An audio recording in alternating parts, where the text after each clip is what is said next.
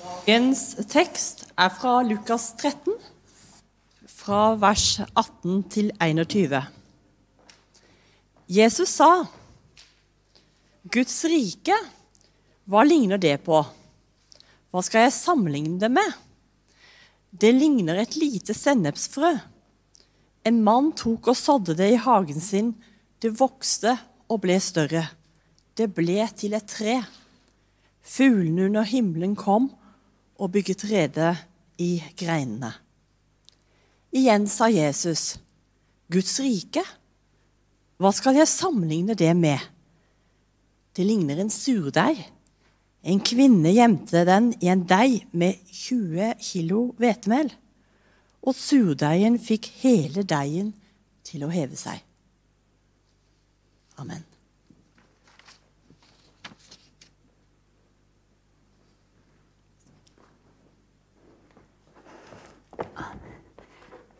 Hei, alle sammen. Jeg beklager at det ble mismatch mellom teksten på veggen og teksten til Antorun. Sånn er det når man endrer i siste liten, når man endrer begge plasser samtidig. Men eh, dere skal få se teksten en gang til i løpet av talen. Eh, temaet i dag er altså 'Guds rike er som prikk, prikk, prikk'.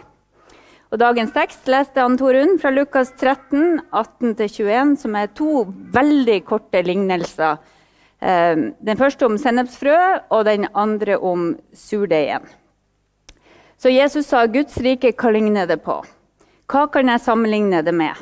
Jo, det ligner på et lite sennepsfrø. Og Det var jo ingen vits å ta med et sennepsfrø, for det er jo så lite. så vi skal se om dere får det på veggen. Så lite er det. Antagelig det minste frøet de kjente til på den tida.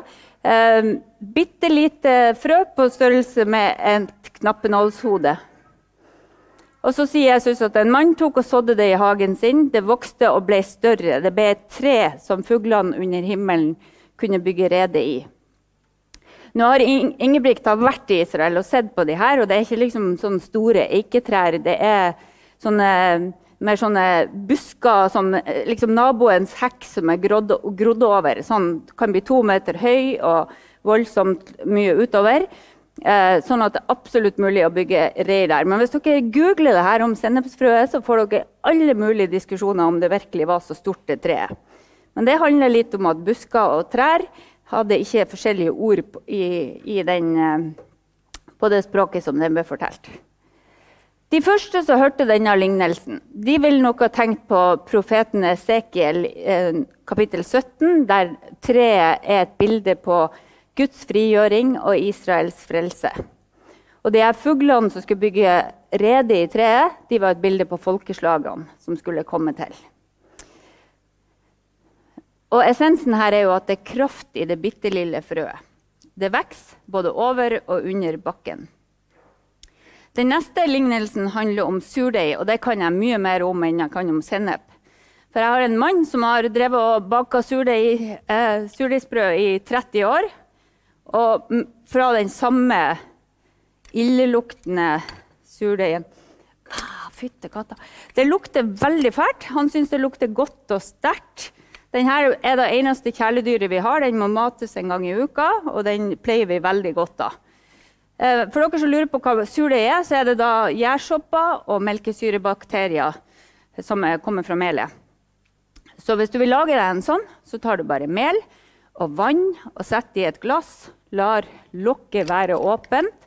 La det stå i det varme kjøkkenet ditt, og så blir det garantert å stinke etter en ukes tid.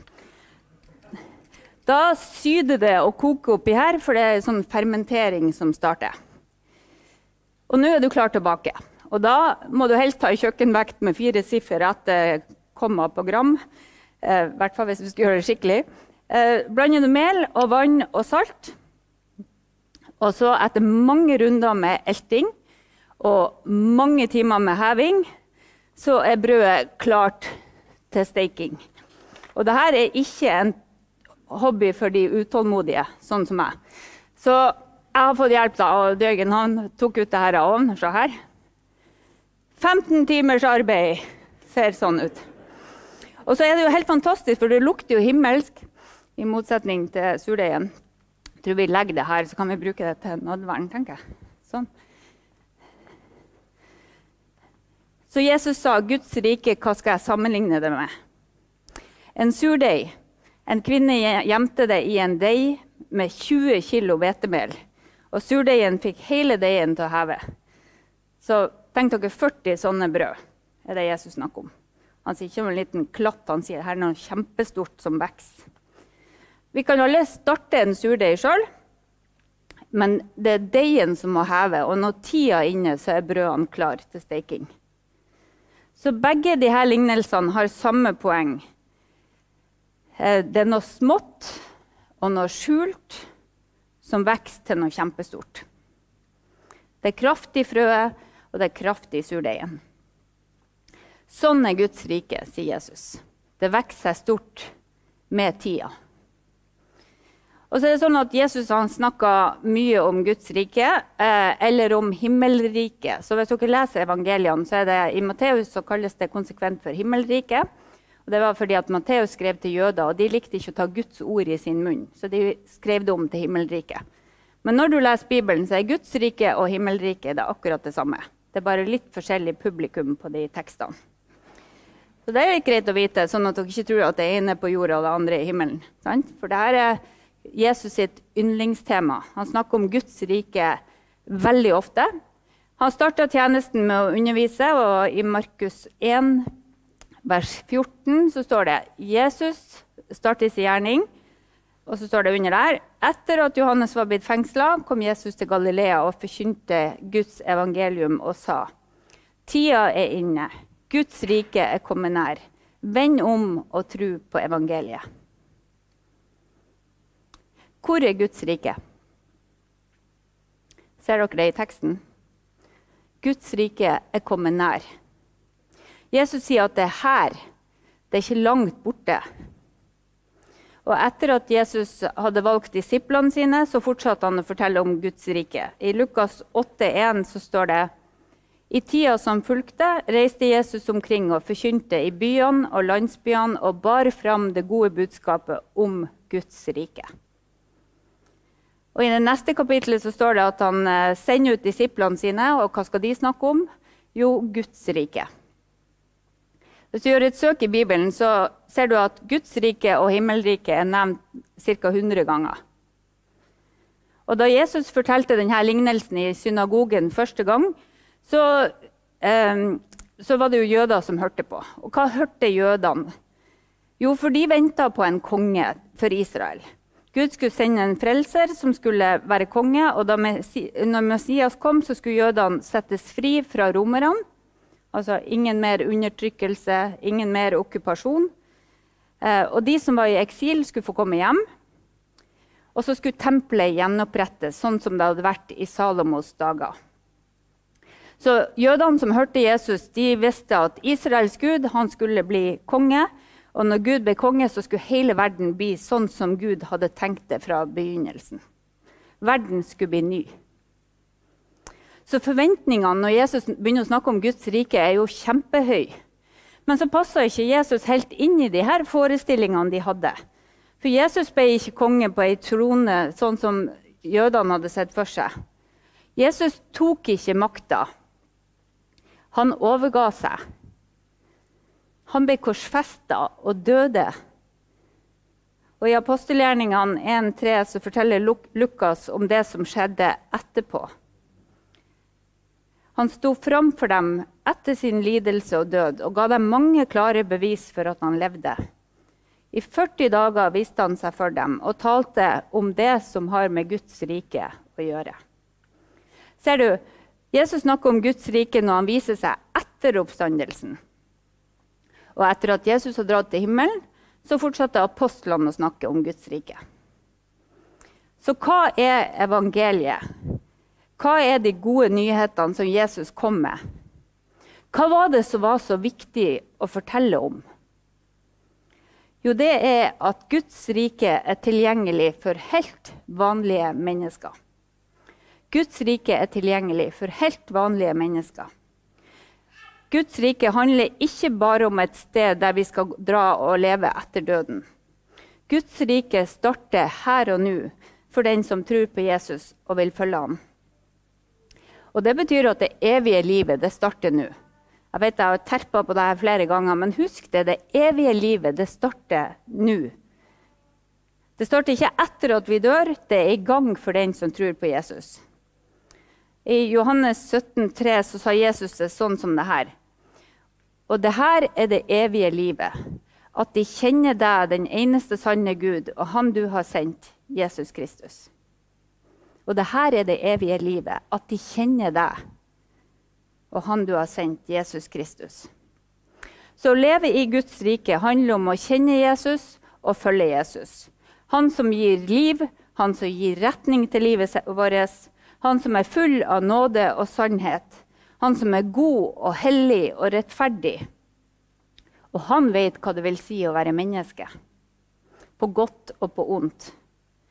Han har gått inn i døden og vunnet over den. Så det er Jesus som åpner veien inn til Guds rike gjennom sin død og oppstandelse. For helt vanlige mennesker. Guds rike er som Helge har snakka mye om, et opp-ned-rike der den minste er den største, og der alle er kalt til å tjene hverandre. Der vi kan få lov å komme som et lite barn, eller som en bortkommen sønn eller datter. Vi får lov å komme hjem. Og jeg syns dette er helt fantastisk at vi får lov til å være medarbeidere og innbyggere i Guds rike. For det er jo det. Det er jo helt fantastisk. Det er jo ingen selvfølge at vi er født, men det er i hvert fall ikke en selvfølge at vi får leve i et gudsrike som er evig. Har dere tenkt på det? Jeg vet ikke, når, når jeg var lite, Nå går jeg litt off manus her. Da jeg var lita, brukte jeg å tenke hva er utafor, utafor, utafor, utafor, utafor i universet? Og enn hvis jeg ikke hadde levd? Hva hadde det vært da? Stilte masse av de her eksistensielle spørsmålene. Og det at vi har livet, det er stort. Men det at vi har livet for evig sammen med Gud, det er verdt å reflektere på når dere har tatt dere tida til å høre på en tale. Eh, og mens jeg forberedte meg, så leste jeg en del sitat om Guds rike. Og det er en eh, som heter Fredrik Bichner, en teolog. Han har skrevet veldig mye fint. Det er en mann som har eh, levd med lidelse. Faren tok livet av seg. Var, han, han, han, skriver djupt om det å leve. Og så skrev han et, eh, et avsnitt om Guds rike som jeg skal lese for dere. Det sier noe viktig, og det er sagt på en vakker måte. Så er det litt langt, men vi er jo i Trondheim frikirke, så dere klarer å følge med? sant? Er dere med? Er dere klare? Vi skal få det på veggen. Skal jeg prøve å jeg vet ikke, Er det lesbart? Ja. Takk for de som De andre sier ikke noe. Jeg ville aldri ha klart å lese det. Men jeg skal ta det rolig. Fredrik Bikner skriver Hvis vi bare hadde øyne å se med, ører å høre med og hode til å forstå, da ville vi skjønne at Guds rike i betydninga av hellighet, godhet og skjønnhet er så nær som pusten. Og Guds rike lengter etter å bli født inni oss og i verden. Da ville vi skjønne at Guds rike er det vi alle lengter etter, over alle andre ting, selv om vi ikke har hørt navnet på det eller innser at det er det vi trenger. Guds rike er opphavet til våre beste drømmer og våre sanneste bønner. Vi skimter det i øyeblikkene når vi er bedre enn vi egentlig er, og klokere enn vi vet at vi er. Vi får øye på det når det på et eller annet tidspunkt i en krise ser ut til å komme en styrke som er større enn vår egen styrke. Guds rike er der vi hører hjemme det er hjemme, om vi skjønner det eller ikke, tror jeg at alle har en lengsel etter det. Jeg syns den siste delen er så fin, så jeg skal lese den en gang til. Guds rike er opphavet til våre beste drømmer og våre sanneste bønner. Vi skimter det i de øyeblikkene når vi er bedre enn vi egentlig er, og klokere enn vi vet at vi er. Vi får øye på det når det på et eller annet tidspunkt i en krise ser ut til å komme en styrke som er større enn vår egen styrke. Guds rike er der vi hører hjemme. Jeg syns det sitatet får frem mysteriet. For det er jo ingen, ikke for ingenting at Jesus brukte tre år på å forklare disiplene sine hva Guds rike er, før han døde. Og 2000 år etter oppstandelsen så ser vi fortsatt bare glimt av Guds rike. Vi skimter det, som Bikner sier. Og det er jo det her som er så vanskelig. Å leve med et glimt av noe er ikke enkelt, særlig for oss som gjerne vil se og forstå og ha oversikt og kontroll. Men Jesus var tydelig på at Guds rike har kommet nær, men det har ikke kommet helt fullt ut. Det skal vokse seg stort.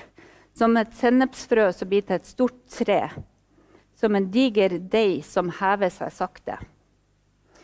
Guds rike er her, men vi ser det ikke fullt ut ennå. Og det er så viktig å huske.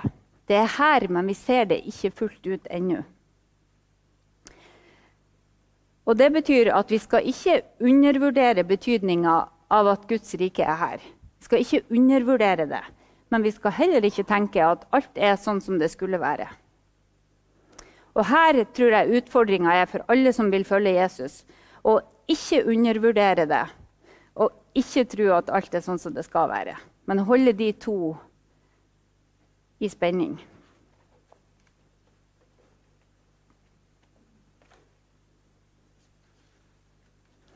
Det er voldsomt. Så Guds rike er her, men det er ikke fullt ut realisert. Det vokser fram.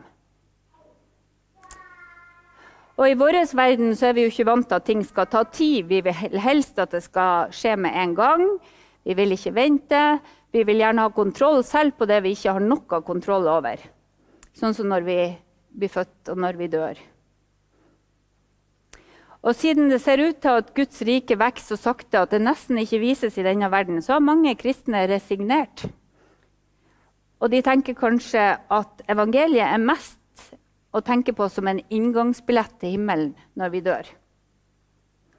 For da skal det jo bli fart på Guds rike. Da skal vi være sammen med Jesus hver dag. Da skal vi kjenne han fullt ut.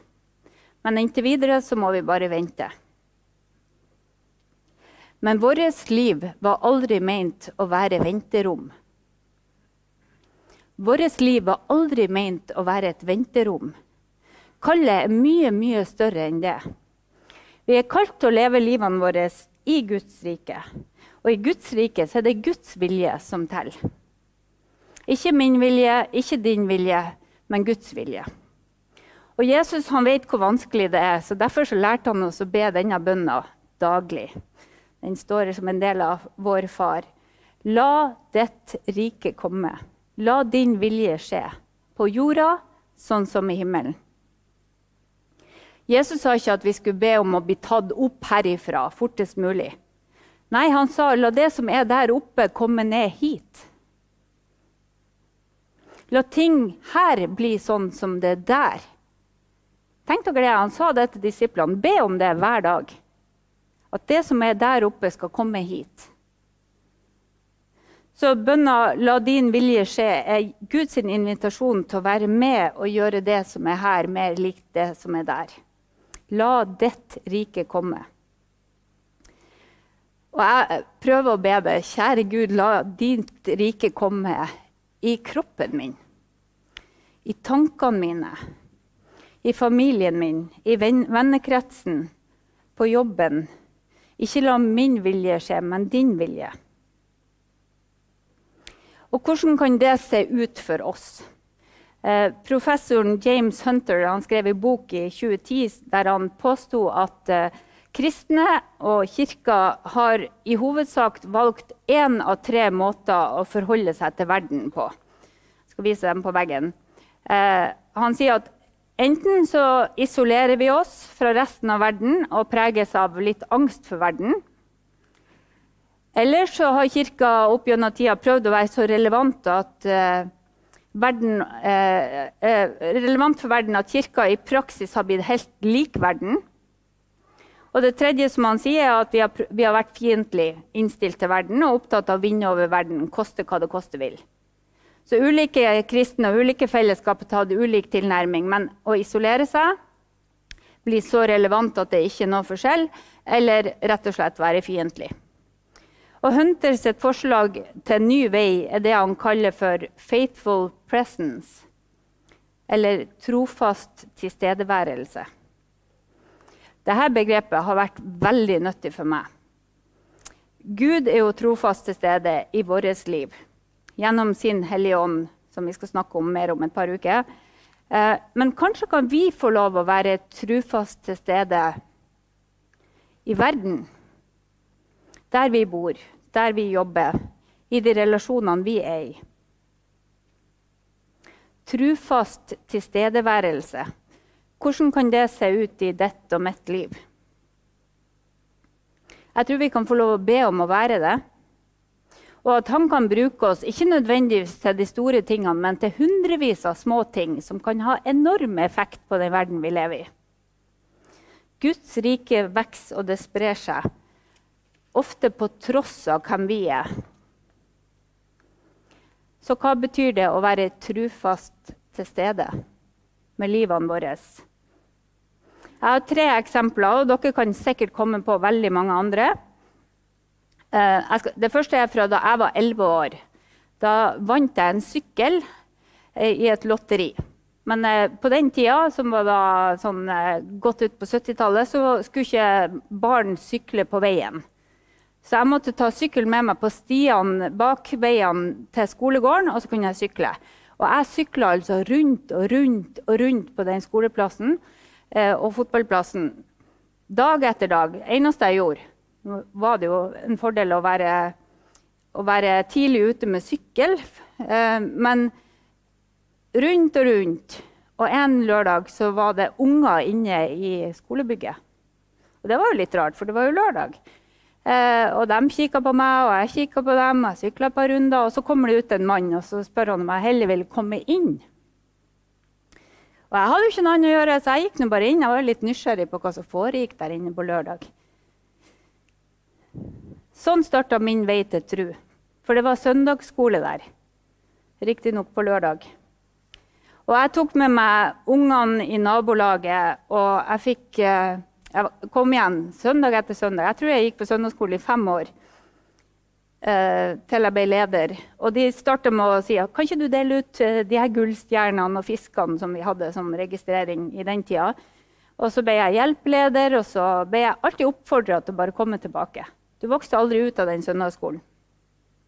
Vi var kanskje 10-20 unger i et rom med unger fra 3 til 15 år i samme rom. Det var lite fancy. Men de søndagsskolelærerne de så meg, og de visste hva det vil si å være trufast til stede. Jeg vet ikke hvor mange unger som fikk livet sitt forandra på søndagsskolen i Kaneboggen, men det forandra mitt liv drastisk. Og faktisk hele familien min etter hvert. Og hvis du er leder på NOAH eller E10 eller FRIK, så ikke tenk smått om det du gjør. Det du gjør, og det, Når du ser en unge, det kan bety så uendelig mye for de valgene de gjør videre i livet. Det kan virke så smått som et bitte lite frø som blir til noe stort. Det du tenker er lite, kan være starten på noe stort og viktig. Eksempel to er venninna mi som jobber på, eh, på St. Olav. og Hver dag eh, må kle av seg i garderoben i kjelleren. og Så unngår hun heisen, og så går hun alle trappene opp mens hun ber eh, at hun må få lov å være til velsignelse på jobben. Hun lager seg denne vanen der trinn for trinn opp for å starte dagen. Så ber hun om å, at dagen må ligge i Guds hender, og at hun får lov å være til velsignelse. Det er trufast tilstedeværelse. Tredje eksempelet var da jeg var med og arrangerte lederkonferanse for kirkeledere, GLS, eh, som mange av dere har vært på. I ti år hadde jeg jobb ved bokbordet. Ikke egentlig mitt eget ønske, men eh, det var viktig å selge bøker, og det kom mye interessante bøker som vi hadde lyst til å, å få ut til de som var på konferansen. Og det å stå med det bokbordet det leda til noen fine samtaler egentlig helt uventa for meg, for jeg trodde egentlig poenget var å selge bøker. Uh, og jeg husker spesielt ett møte med en deltaker. Han, uh, bokbordet er jo et sted for folk som er alene, og alle introverter og bokormer de, de syns bøker er tryggere enn folk. Så mens de andre prata, så kom bokelskerne og introvertene ut i gangen. og hang rundt bordet. Og så så jeg en som var alene, og som sto der i to pauser. og så I lunsjpausen så kom han og spurte etter ei spesiell bok. Eh, og så spurte jeg hva syns du om konferansen. Ja, ja. Og så fortalte han litt om hva han syns, og snakka litt sammen. Og så sa jeg kan ikke du komme tilbake i neste pause og fortelle hva du syns om neste foredrag. Og det gjorde han, og så kom han tilbake, og så fikk jeg litt mer av historien hans. Og så sier han at eh, han hadde vært pastor men han hadde slutta. Han hadde parkert alt som hadde med tru og kirke å gjøre, etter opprivende konflikter i menigheten. Den eneste grunnen til at han var på denne lederkonferansen, det var at en god venn hadde gitt han en billett, og den kosta mye penger, og han følte seg forplikta til å ta imot. Så fikk jeg litt mer av historien hans i de neste pausene. og Da han kom inn og skulle betale bøkene, etter siste sesjon på dag to så sier han jeg tror jeg skal gi Jesus en sjanse til. Takk for at du hørte på meg. Så bare det at jeg fikk muligheten til å se han Og jeg gjorde ikke noe stort, sant? men i løpet av de dagene så gjorde Gud noe med han. Og da skjønte jeg hvor mye en samtale kan bety. Jeg kan ikke være alt for alle, men jeg kan være noe for én etter én etter én, og det kan vi alle sammen være. Jeg kan være trufast til stede med de dagene jeg får, og de timene jeg har. Og så be Gud om å vise meg hva skal jeg gjøre. Og så be Han om å gjøre det mangedobbelte, sånn som han gjør. Husker dere historiene med de tre, tre, eh, fem brødene og to fiskene? Altså, Gud kan mangedoble den lille innsatsen. Eh, han kan ta det som er smått, og svakt, og som ofte virker helt tilfeldig, og gjøre det til noe mye, mye større. Og da kan en time på søndagsskolen eller en dag på jobben eller en samtale ved et bokbord bli sånne hellige øyeblikk der Gud bruker oss mennesker og det Han har gitt oss, til noe godt. Sånn er Guds rike. Det vokser som et lite frø som blir til et stort tre. Det vokser som en surdeig som hever hele deigen. Og så er det hvile i det her, for vi får lov å hvile i Guds nærvær. Og samtidig be om å få være trufast til stede der Gud vil bruke oss. Guds rike vokser ikke så fort som jeg skulle ønske meg. Men det vokser fortere enn om vi styrte livet vårt med vår vilje og vår sviktende dømmekraft. Vi ser ikke alt som skjer i det skjulte, men vi ser små glimt av himmelen som blir synlig på jorda. Og ikke glem at det skjer av nåde, og det er Gud som gjør det mulig. Som det står i Filipperne 2,12.: For det er Gud som er virksom i dere, så dere både vil og gjør det som er etter Guds gode vilje.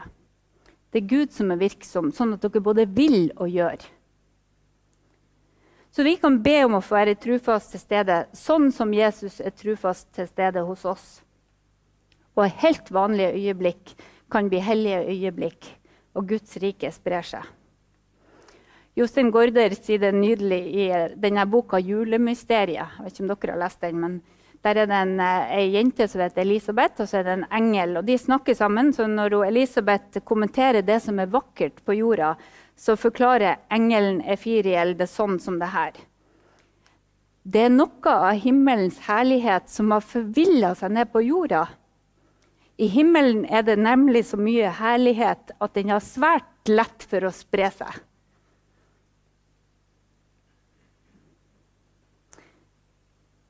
Guds rike er ikke fullt ut her, men det vokser fram. Himmelens herlighet kan spre seg midt i vårt liv. Se deg om. Våg å be om det. Ja, bli med, så ber vi den bønna Jesus ba oss om å be. Kjære Jesus, la ditt rike komme. La din vilje skje. På jorda sånn som i himmelen. For riket er ditt, og makta og æra i all evighet. Amen.